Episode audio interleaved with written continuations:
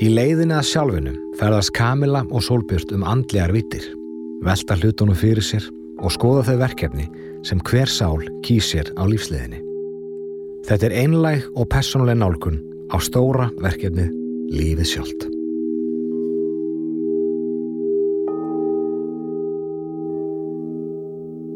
Hæ, þú ert að hlusta á leiðina sjálfinu. Ég heiti Solbjörg Guðmundsdóttir. Og ég heiti Kamala Engibsdóttir og í dag ætlum við að tala bæði um sjálfsmyndi, mildi og kullun og við báðar eigum okkur sögu, kullnunar sögu eins og svo ótrúlega margir.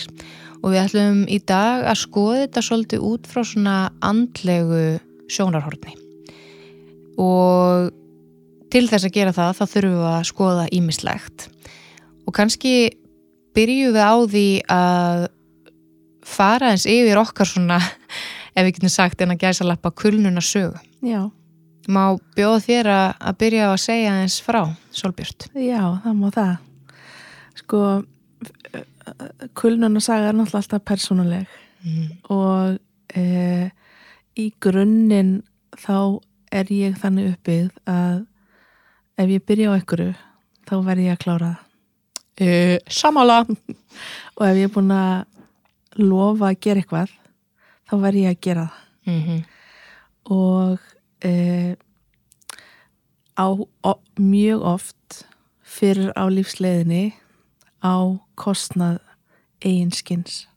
Ég myndi minn, byrju varst að taka þetta út úr mínum haus eða og mínu hjarta vegna þess að þetta, þetta var eins og tala út úr mínu hjarta Já. Og sko, ég hef unnið sem heilari í 20 ár og e, það það er starf sem að kallar á að maður sé e, til staðar. Og það, það e, svona ítir undir það sem þegar fyrir er í persónunni. Já. og á einhvern tímapunkti á, þá er mér búið að koma í sjónvastátt og ég átti að vera í tíu mínútur í sjónvastáttinum en endaði á því að allur sjónvastátturinn var viðtal við mig og hann var í beinni útsendingu.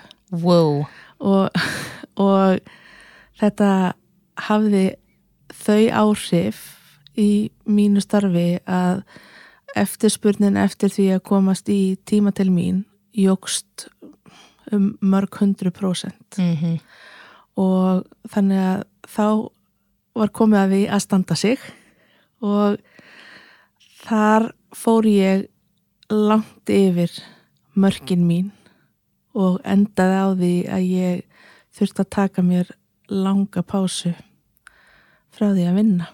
Já. Þannig að það er svona byrjunin á þessu. Það er einmitt svo áhugavert að þegar ég og þú kynntumst mér finnst þess að ég hefði alltaf þekkti sem ég hef í raun gert en í þessu lífi kynntust við bara fyrir rúmum tveimur árum síðan Já, það er ótrúlegt að segja þetta upp átt.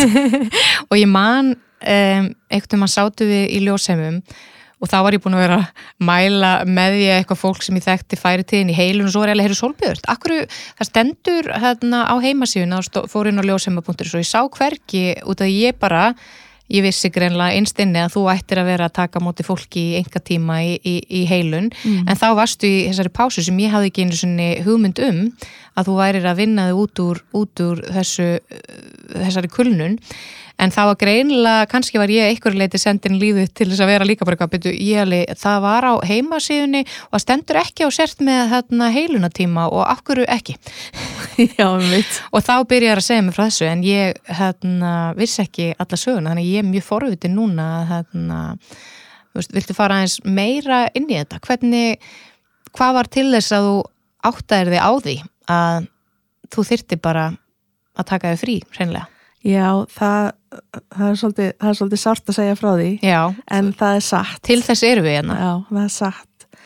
Að það það kom sá tímapunktur að ég fann að ég átti ekkert að gefa og ég stóð valla undir sjálfur mér. Og þegar kona stendur á þeim stað að þá verður hún að segja stopp þá varði ég að segja stopp. Og e, það var rosalega erfið ákvörðun en það var rosalega léttir.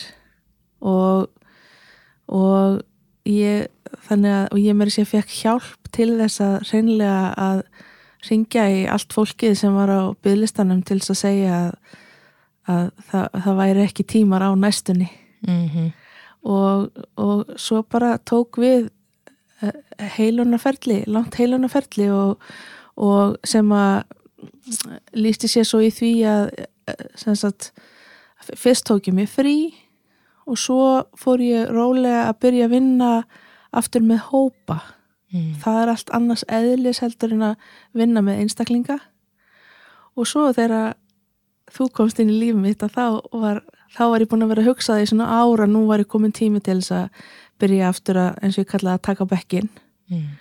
og svo bara sagt, tók ég það skref og það var mjög lukkulegt skref. Já, ég er allavega mjög þakklátt fyrir það. Það er einmitt svo svo áhugavert líka að eins og í minni kulnarsögu, það er líka að hugsa um það að, og þetta hefur með bæði þólunmæði og sjálfsmildi að gera, að, að hugsa um það hvað tók það mann eða konu langan tíma að vinna sig alveg í þrótt eða komast á þennan stað þar sem maður hefur í rauninni á ekki drópa eftir einu sinni fyrir sjálfa sig hvað þá aðra. Og þegar maður fyrir að vinna sig úr kulunni að muna það að tók mig kannski x mörg ár hreinlega að vinna mig upp í kulnun. Ég, þetta er kannski svolítið skrítið að orða það þannig að kulnun já, já. já, en þá hlýtur það að taka svipaðan tíma að vinna sig úr kulnun. Og það held ég að sé oft út að við erum bara við mannskeppnan, við erum bara óþólumóð og þannig að það er bara svona, já, hörru, ég er bara búin að vera frí í tvær vikur, akkur er ég í gjörðin bara góð aftur? Eða eitthvað þannig, þannig að þú veist hvernig og, og ég fekk að með þessa spurningu um daginn út af því að ég fór í kulunum 2012 og það var einn út af því að eftir það þá var ég alltaf að hitta fólk, sérstaklega konur um, sem eru annarkort á leiðin í kulunum, í kulunum eða vinna sig úr kulunum og um daginn, bara nýverið, fekk ég spurningu bara hvað tók því langan tíma að verða það aftur eins og varst?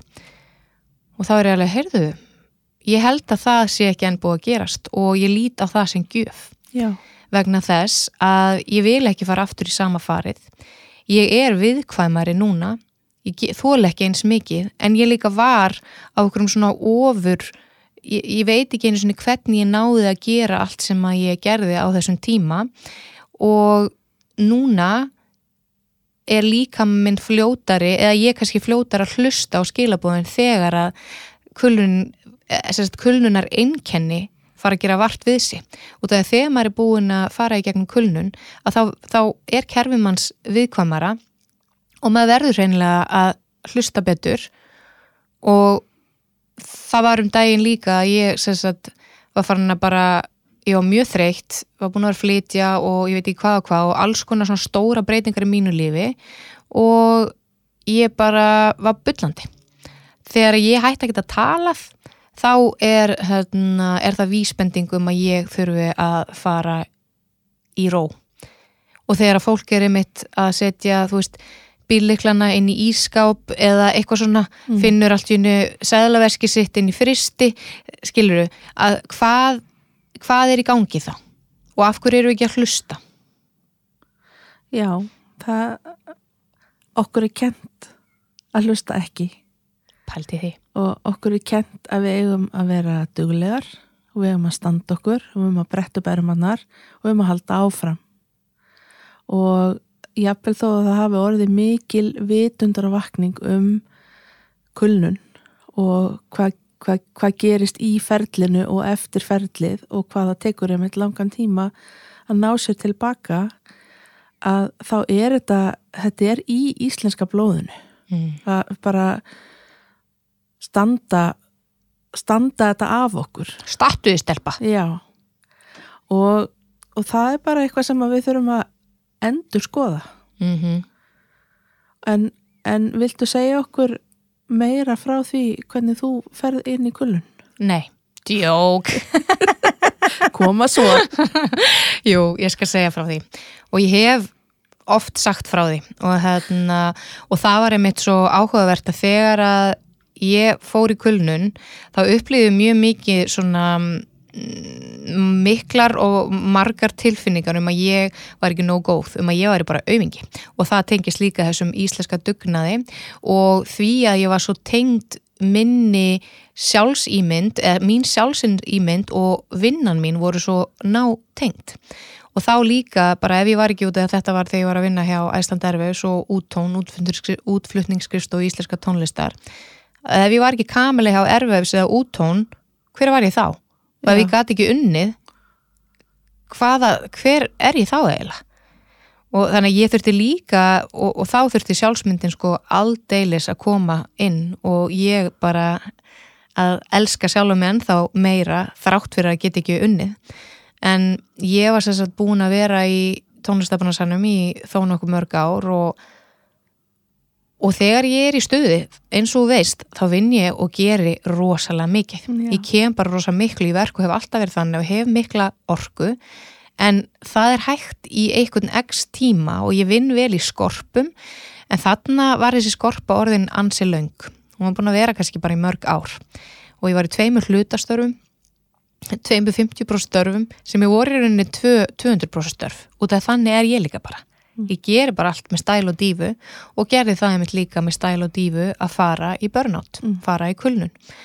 Og þetta var að 2012 og ég hefði verið að vinna að sjálfsögðu að Æsland Erfus og þetta var eftir hátíðina þá var ég á leiðinni til Thailands viku eftir hátíð að hitta vinkonum mína þar og við ætlum að fara að ferða saman í tvær vikur. Ég flýg hérna hinum megin á hnöttin og var mjög þreytt eða á stað og var bara horfðin, ennþá þreyttari þegar ég kom til Bangkok svaf eiginlega ekki og það er nefnilega svo áhugavert þegar maður er orðin svona þreyttur og það er kerfið er svona þanið þá nær maður ekki að kvílast mm. taugakerfið, þú veist, ég veit ekki í hvaða ástandi það var hjá mér sko. Þannig að ég hætti ekki að sofið, svaf ekkert fyrstu næturnar og svo voru við líka í næturlest og svo voru við í einhverju svona uh, ákveðum stað þar sem að það var ekkert ramagn og vorum bara út á einhverju vatni. Þannig ég svaf ekkert fyrstu næturnar. Þetta var bara svona fáranlega aðstæður. Þannig að þó ég hefði verið á fínu hóteli og með rúm og eitthvað þannig, ég veit ekki, kannski hefði verið öðruvísi en svo trúi ég bara allt sé eins og það eigi að vera. Og þarna var bara verið að segja já, já, nú þurfum við að stoppa Kamil af bara hvað er að frella hérna með þessa típu þurftu að fara til Thailands Ég þurfti að fara til Thailands til þess að átta mig á því að ég væri börnátti. Samt var ég afneitun líka eftir að ég kom heim, sko. En það var þannig að, eftir þess að svefleysu nætur þá fór ég að fór að svima svo. Og þegar ég var búin að vera með svima í fimm daga og ég þurfti bara að halda mér í hérna, bara líku við að bara vera með hönd uppi vegg eða bara, uh, bara til þess að geta komist frá A til B að þá sagði vinkonum mín bara nú förum við með þig á sjúkrahús. Og ég var lögð inn og fekk eh, vökva í æð og var þar í 24 tíma bara í ykkur móki. Og, og, ég, og það áhugaverða er að þessi ferð er eiginlega bara, ég man eiginlega ekkert eftir henni. Skiljanlega. Já. Og, hérna, og ég held líka bara líka með minn kerf, allt kerfi mitt, hjarta mitt, sáli mín það var bara allt bara Kamila, nennur please að vakna hvað er það að gera? Já. Hvað er það að gera? Elsku barn, þú veist og hérna svo náði ég einhvern veginn að drösla mér aftur heim til Íslands og þar var ég bara inn og út hjá læknum og auðvitað hafðu allir í kringum með áhyggjur af mér út af því að ég var bara ég gat, sko, ég gat eiginlega ekki sofið en samt gat ég eiginlega ekki haldið mig vakandi heldur. Ég var bara eitthvað först á milli í einhverju svona ömulu orkuleysi og inn út hjá læknum ekkert fannst að mér. Nefnum bara jáður með ofsa þreytu hvað er það? já, og hérna og ég sopnaði bara líkuð hon í mati minn eins og litlu börnin sko. Og svo var það einhver tíman það var, sko, og það var svona eitt bara moment þar sem að, sem að skipti sköpum, það var þegar að eina mínum elstu og bestu vinkunum kom í heimsókn og hún þekki með þetta út og inn, hún þekkist frá honum litla stelpur. Og hún stoppaði rosa stutt við og ég þetta manna ég ekkert eftir þessu en hún sagðist bara, sagði mér eftir að hún hefði bara farið til bíl byrjað að hágráta út af því að hún þekkti mig bara ekki. Mm.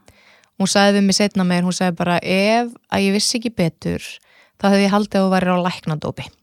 Ég var bara eins og lifiðaður einstaklingur bara það sem ég sagði var bara bull. Og þess vegna áttaði ég mig líka alltaf á því þegar þetta fyrir að banka upp að þá er ég fann að bulla bara, kem ekki orðum út um mér út að ég er alveg freka skýrmælt sko. Mm. og, hérna, og næja að tjá mig nokkuð vel eins og heyrist núna augljóslega. En þarna kom bara eitthvað bull út um mér. Hún fór til bíl og þá sagt byrjaði það ferli að ég fór að að þurfa að horfa, horfast í augu við það að ég væri komin í kulnun og það var þöks í henni, henni mörtu minni. Já. og, og út frá því þá tók ég með veikindalegi í vinnunni og allt sem ég hafi gert áður eins og að borða holt, stunda jóka, huglega og svona, ég þurfti bara að taka það upp á næsta stig. Og það var örgulega það sem að sáli mín vildi og það var örgulega partur af þessu stóra plani að þarna myndi ég vakna. Það var bara verið að reyna að vekja mig. Með því að láta mig vera rosalega þreytta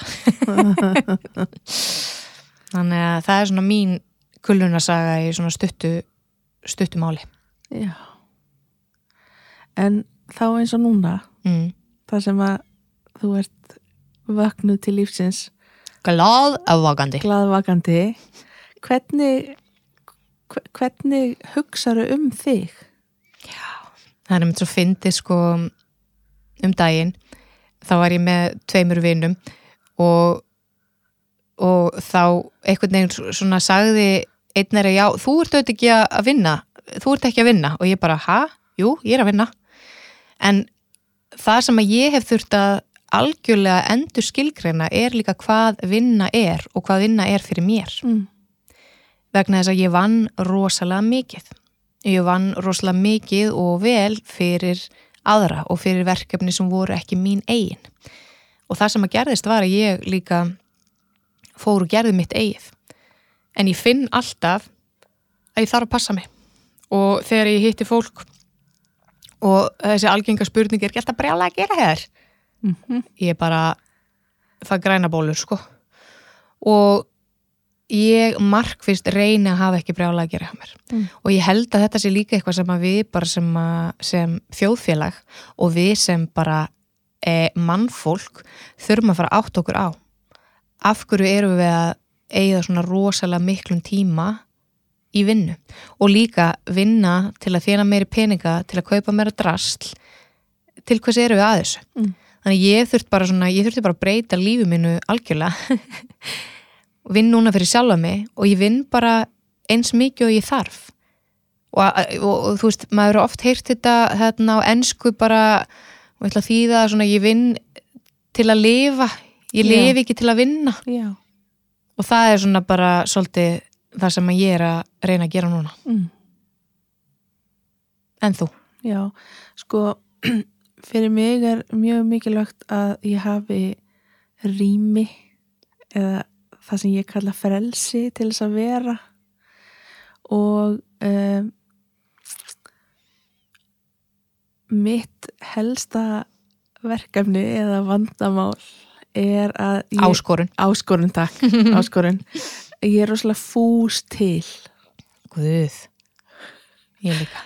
Og, og e, þess vegna er ég búin að koma mér upp svona að því að nú vinn ég við að hitta fólk í einstaklingstímum. Mm og það eru bara x margir tímar á viku sem er í bóði og ég er rosalega fljóta svona smyrja utan á það en er komin núna með kerfi þar sem að það er ekkert smurt. Já.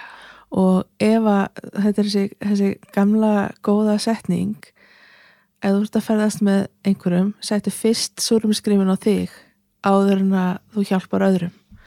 Og það er þetta sem að ég er að æfa mig á hverjum einasta degi og það er það, er, það, er það besta. Að, að e, hafa rýmið og þá get ég verið 100% nákvæmlega og stór partur af því er líka að æfa sig að segja nei. Nákvæmlega. Og við sem konur við megum ekkert vol oft segja nei.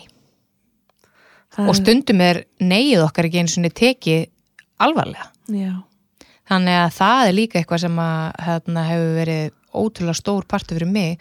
Að það er bara og, og, og ég meiri þess að bjó til ákveðna reglu eftir að ég hérna, og þetta er, þetta er löngu setna, ég var búin að vinna mig út úr börnátunni en þá var ég að fara út tónlistabransunum og fara út í að, að gera það sem að mig langaði til að gera. Já, og þá hugsaði ég bara, ok, ég er að taka mig frí núna í x marka mánuði. Ég ætla bara að gera það sem að veitir mig gleði. Og ég verð alltaf að spurja mig áður en að ég segi já eða nei við einhverju, mun það veita mig gleði? Og stundum var ég bara var ég alveg nei. Samt, samt þorði ég ekki alveg að segja nei við einhverju eins og ma manni var búið eitthvað eða eitthvað þannig. Já, og þá hugsaði alltaf fyrir hvernig er ég að gera þetta? Og það svo er það líka það, auðvitað ger, við erum hérna til þess að hjálpa hvert öðru og elska hvert annað og allt það. En, en oft eru við svo skildurækin og samviskusum að við bara gleymum okkur sjálfum og gerum allt fyrir alla einhvern veginn og erum bara að lifa lífinu eftir uppskrift einhvers annars. Mm. Þannig að fyrir mig var það ótrúlega mikið verkefni áskorun að æfa mig að segja nei. já. Ég, þetta er eitthvað sem að ég tilengaði mér um, fyrir allöngu síðan þetta með neyið og að uh, skilja það að já þið já og nei þið nei jafnvel þó komi ekkert á eftir því Nákvæmlega. að það, að það, ég, mér ber ekki skilda til þess að útskýra jái mitt eða neyi mitt fyrir þér Nei.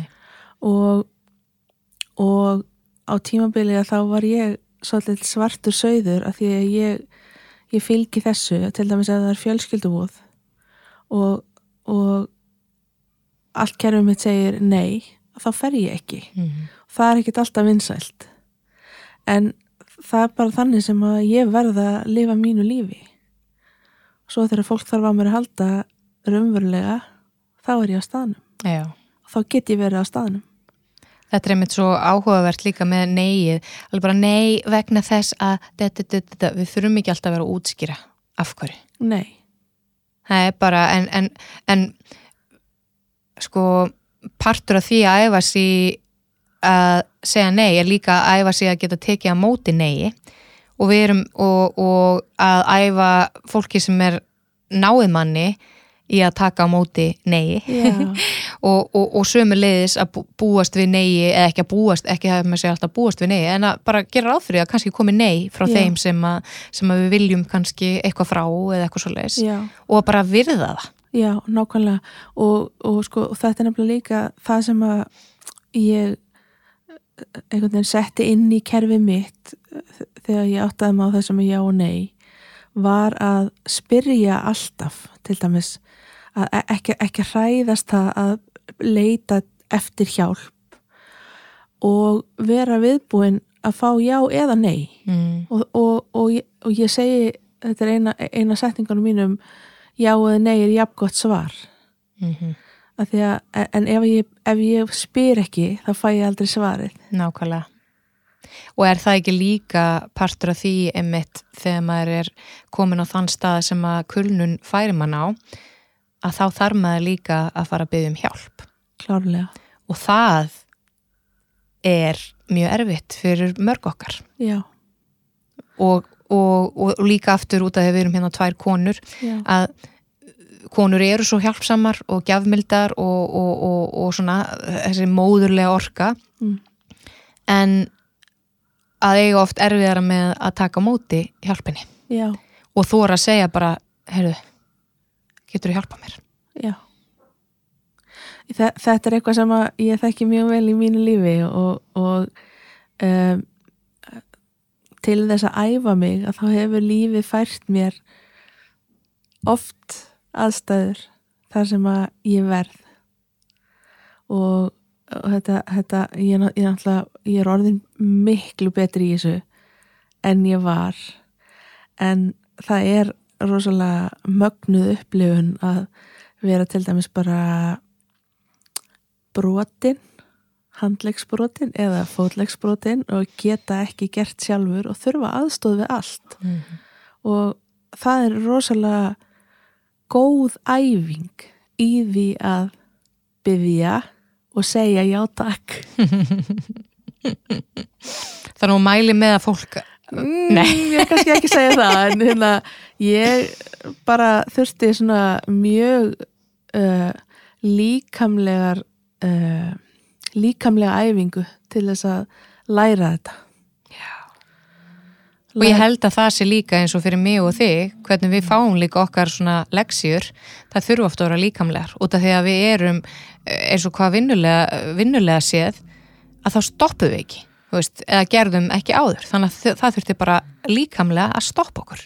Já, það, það er algjörlega þannig. Mhm. og það, það, er, það er, mér finnst svolítið erfitt að segja þetta en þetta er svona. mm og svo þegar ég segi núna það þurfti að stoppa okkur.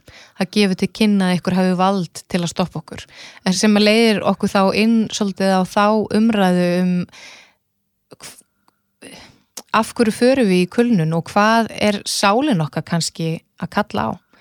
Kannski og ég held út frá sjálfur mér að ég held að ástæða þess að ég hefði enda á þeim stað sem ég endaði í svona kul- kulnun var svo út að ég var ekki að hlýða kalli sálar minnar. Já, og ég get alveg sagt þér það að ég hef fengið svo marga á bekkin til mín. Það eru næstum því alltaf konur en einstaka menn sem að segja nákvæmlega þessa sögu. Þá annarkvort fólk sem að er í kulnunarferlinu eða er að vinna sér út úr því að um, það segir það, það segir nánast undartekningarlaust ég var komin á stað þar sem ég varð að taka uppeyju Mm -hmm.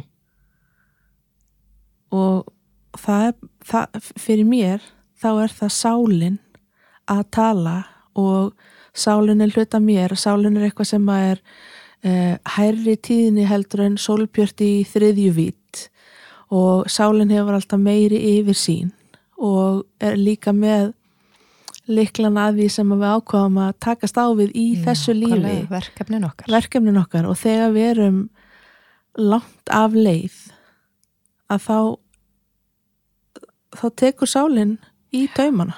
Og það er líka málið að þá eru við kannski orðin svo ótengt okkur sjálfum því sem er óbreytanlegt í okkur að það verður, að við verðum að fá utan að komandi aðstóð. já, Og oft uh, þegar maður er í því virðist það vera harkalegt eins og kulnun getur verið klárlega. sérstaklega þegar fólk missir heilsuna í Já. lengri tíma Já. og oft í mörg ár og verður aldrei samt aftur en hvernig er hægt að líta þessum gjöf og ég sé svo sannlega hvernig þetta var hinn mesta gjöf fyrir mig og allar þessar áskoranir í gegnum lífið, bara hvernig það voru gjafir en það er, mér finnst mjög gott að hugsa til þess að ég hafi verið stoppuð af já, og, og það er umlega þú sem stoppar þig af. Nákvæmlega, sálinn þín sem stoppar þig af. Nákvæmlega. Mig, persónleikan Kamilu Já. Ingibergsdóttir í þessu lífi. Já, út af að ég er miklu meira en persónan Kamila já, í þessu lífi og hefur verið í þessum líka með í 40 ár. Já. Ég er bara miklu, miklu meira. Mm. og það er einmitt það sem ég elska við að eftir að ég bara breytti öllu og eftir að ég fór í mína kulnun sem var í rauninu byrjun á því að á þessu öllu saman já, að ég finn bæði meiri tengingu við mig sjálfa og þess að fyndið þeim þetta að fólk sem þekki mig vel að það hefur haft orðið á því að ég sé orðin meira ég sjálf sem er svo fyndið, ég veit alltaf verið ég sjálf en kannski er það bara út af því ég vel gleðina og, og vel að gera það sem að kveiki ljós innra með mér að þá, þá tengi ég meira inn á það sem að það sem að fylgir mér í gegnum líf, það sem að fylgir mér í gegnum tíma og rúm og allt. Við getum líka ég var að hugsa að við getum líka horta á þetta jafnvel fyrir þá sem að eru ekki í kulnun. Mm. uh, eða, eða þá þá sem að finnst þér vera svona að dansa við það. Að taka eftir því hvernig lífið verður þegar við erum undir miklu álægi Mm. og sjá hvernig við breytumst þegar við erum undir miklu álægi og nú til dæmis þekki ég þig mjög vel og, og það er alveg magnað að, fylgjast með því hvernig, hvernig við svona sveiflumst eftir því hvað er um að vera í lífinu Nákvæmlega. og kulnun er svona risastórt og já, það, það, svo, það, það sem ég er eiginlega að reyna að segja er að það er svo holdt fyrir okkur að læra inn á okkur sjálf að þekkja merkin og geta þá gefið úr eða í miða við hvernig okkur líður Og leift okkur að gera það. Já, Út af oft vitum við alveg hvað við þurfum ef við bara leifum okkur það ekki. nei einmitt Ég man einu sinni ringdi mamma í mig á sunnudegi og sunnudagar voru alltaf, nú vinn ég oft mikið á sunnudegum, en sunnudagar voru alltaf mjög heilægir svona fyrir mig og svona bara kvíldadagar. Það sem ég bara stundum bara nátt út um allan daginn að lesa bara hvað sem ég þurft að gera. Eða hangi sundi í fimm tíma bara og mamma ringdi einhvern veginn í mig og hún sagði hvað það gera, ég leið, ekki neitt. Hún alveg, þú kannt þetta. Þannig að hún kannt að, þú veist, slaka eða ég man ekki hvernig hún orðaði þetta. Og þá fór ég að hugsa, ég bara, herru, við kunnum þetta öll, en við oft gefum okkur ekki leifi. Nei, Og þar kemur líka sjálfsmyldin inn að gefa sér leifi til að gera ekki neitt í heilan dag. mm Gefa sér leifi til að vera á náttutunum í heila dag. Gefa sér leifi til að sleppa því að gera eitthvað sem maður veit að þarf að gera, þú veist, en maður bara hefur ekki orkuna í það þann daginn. Og að velja sig og sína velliðan og sína hleðslu já fram yfir mm. Hvað sem það er sem að er á to-do listanum. Mm.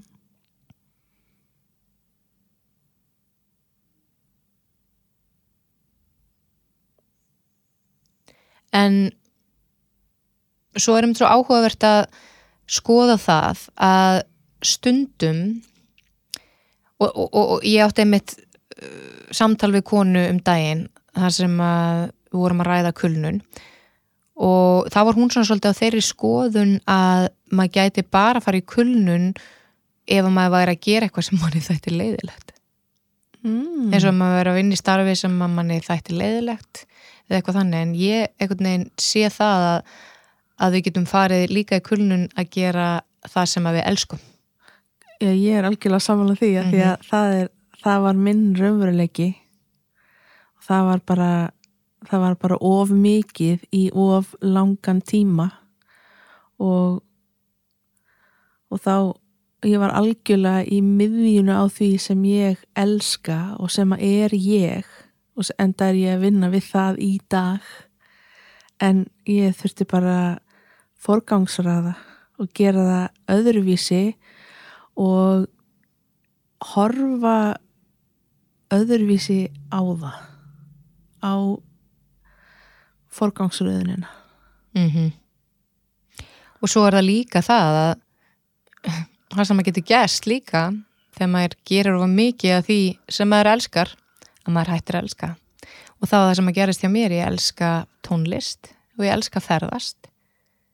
Og þegar ég var að leiðin í eiginlega svona börnátt nummer tvö þá var ég hætt að elska bæði. Já, og ég var bara svona ég var eiginlega bara búin að tapa gleðinni.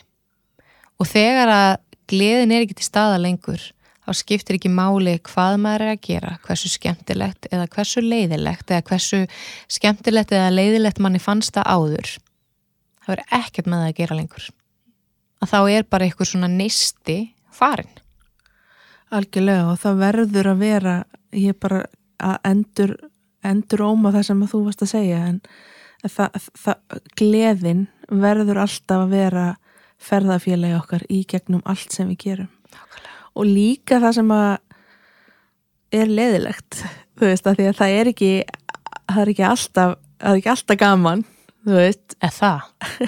Eða það? Hefur að ræða það? Við hluti, sko, ég náttúrulega er rek sjálfa mig alveg eins og þú gerir. Og þá þarf maður að gera allt. Já. og hluti af því sem að ég þarf að gera reglulega er ekki endilega það skemmtilegast í heiminum.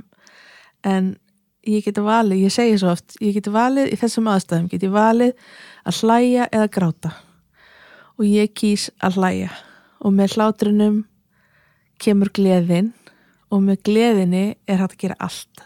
Nákvæmlega. Og þú veist, gleði og þakklæti líka. Já, Ég er mitt bara, hérna, þegar ég þarf að gera hluti sem ég finnast minna skemmtilegir, þá, þá reynir ég alltaf að minna það hvað ég er þakklátt fyrir að vera á þeim stað sem ég er núna. Þakklátt fyrir allt sem á undan hefur gengið, þakklátt fyrir allt sem ég fengi að læra og þakklátt fyrir það er mitt að fá að vera í eigin rekstri og inn á það og að læra inn á sjálfa mig og líka í leiðinni að aga sjálfa mig vegna þess að ef ég ger ekki eitthvað það er ekki einhver samstagsfélagi minn sem mun gera það sko. Nei þá setur það bara á hakanum þá til að ég get gert það eða, já, er tilbúin í að gera það. Þannig að það er líka eitthvað bara að- velja þakklætið þegar maður þarf að gera hundleiðilega hluti út af þeir alveg gerast. Og líka bara þegar að hundleiðilegar áskoranir mæta manni sem maður einhvern veginn eftir á eins og við höfum rætt sér einhvern veginn að þær voru gjafir. Já, þá maður sjáu það ekkit endilega þegar maður er algjörlega inn í þeim. Eins og til dæmis kannski hvoruður okkar vorum færar um að sjá það endilega þegar við vorum í okkar kulnun að þetta var gjöf. En núna, Ég var ekki þar sko. Nei. En núna ég sé það svo skýrt. Já, en það er líka alltaf það sem að gerist þegar maður fær smá fjarlægð. Þá getur maður litið baka og sé já, nú skil ég okkur þetta gerðist og, og já, nú skil ég okkur þetta gerðist og já Já, ég get sagt það alveg fullum veitum að það er ekkert í mínu lífi sem ég hefði viljað uh, sleppa. Sammála. Eða jú, nei, djók, nei, ekki neitt, ekki neitt. Og ég sé líka hvernig allt tengist saman Já, og hvernig eitt leiðir af öðru og, og auðvitað eru kannski margar tímalínur og, og það eru þúsund mismunandi leiðir að sama áfangastað. já, já, já, En gaman að vita, sjá, að sjá hvaða leið við erum að velja. já. Og alltaf með yfir sínina er sálin sem að flýgur eins og örnin og, og sér miklu víðar heldur en við í personu. Nákvæmlega. En við eignumst yfir sínina með tímanum. mm með tímanum og í gegnum lífin og ég man að ég las í einni bók minnaði þessi bókin Seat of the Soul eftir Gary Zukav á hann að tala um að, að, að sálin okkar væri bara eins og rísa stór vastankur Já, og svo þú veist er, eru við personleikin vasklas við gætum ekki hérna, við gætum ekki tekið inn allt vatnið sem er í vastankinum nei, það er bara okkur ofviða.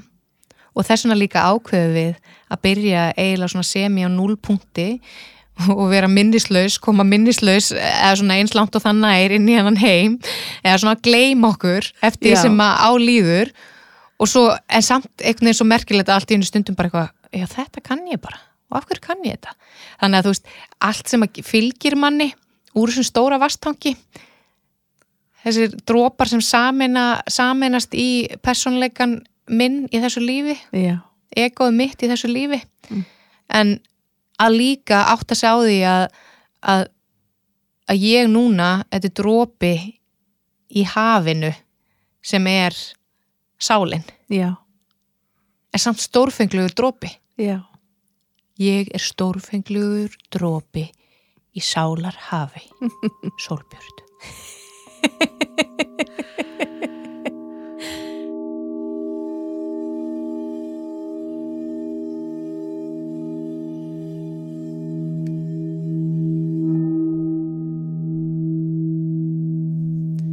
En Sólbjörn, ef að þú ættir að gefa einhverjum ráð mannesku sem er á krosskutum núna í lífi sínu, þú veist, annarkvort í kulnun eða bara það er ekkert endla að vera kulnun.